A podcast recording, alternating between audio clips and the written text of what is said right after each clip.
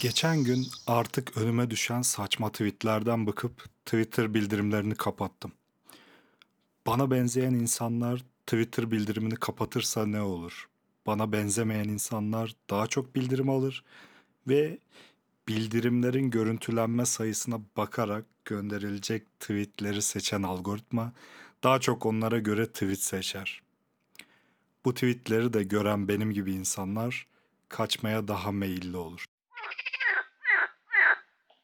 Daha sonra bu kadar basit olamayacağını, bir sürü parametre olduğunu düşündüm ki bunun gibi bir sürü geri bildirim ya da feedback sistemi var etrafımızda ve artık sonucu tahmin edilemiyor bu sistemlerin. Teknolojik ilerleme bir yandan her şeyi kontrol etmeye çalışırken 1984 gibi bir yandan yeni kör noktalar oluşturuyor. Her zaman kaos teorisindeki gibi minik kelebekler bir yerlerde kanat çırpacak, başka yerlerde fırtınalar oluşacak. Ya da artık kelebek tweet atıyor, beğeniyor, retweet ediyor, bildirimleri kapatıyor. Atomlar bize göre random çarpışmaya devam ediyor. Dünyayı yönetmemizin bir limiti var gibi. Sonuç olarak 1984 olmuyor. Hani dünya cillop gibi olacaktı, sorunsuz olacaktı. Kandırıldık.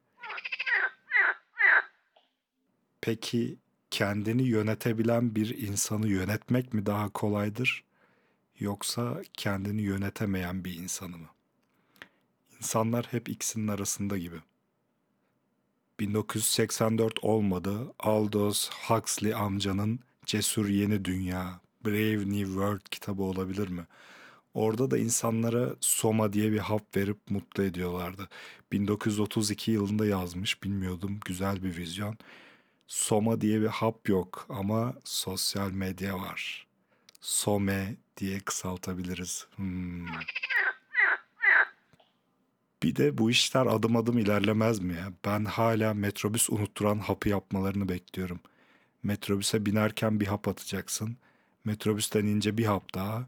Arasında saygısızca yaşanan hiçbir şeyi hatırlamayacaksın. Dünyada en iyi yönetim sistemleri darlandım ya diyen insanların sayısını azaltmak üzerine olanlar gibi. Gelecekte yeni modeller çıkar mı? Mesela insanlık uzayda yaşamaya başlarsa yönetim biçimi aynı şekilde gidecek mi? Mars'a gidene kadar ülkeler var diyelim. Mars'ta dünyadaki ülkeler olacak mı? Toprakları nasıl bölüşecekler? İlk başta hayatta kalma derdiyle uğraşırlar. Eğer rahata ererlerse ülkeleri değil başka şeyleri konuşurlar gibi. Mesela Mars'ta birlikte yaşayanlar birbiriyle daha iyi kaynaşır. Sonuçta çok uzak. Gözden ırak olan gönülden de ırak olur demişler. Dünya ve Mars uzaklığı 56 ila 400 milyon kilometre arasında değişiyor. Kendi içlerinde evlenirler, sadece Mars'ı bilen çocuklar olur. Sen Mars'ın neresindensin muhabbetleri. Belki dünyada da Mars kültürü ve edebiyatı dersleri olur. Peki Türk dizileri ihraç edebilir miyiz?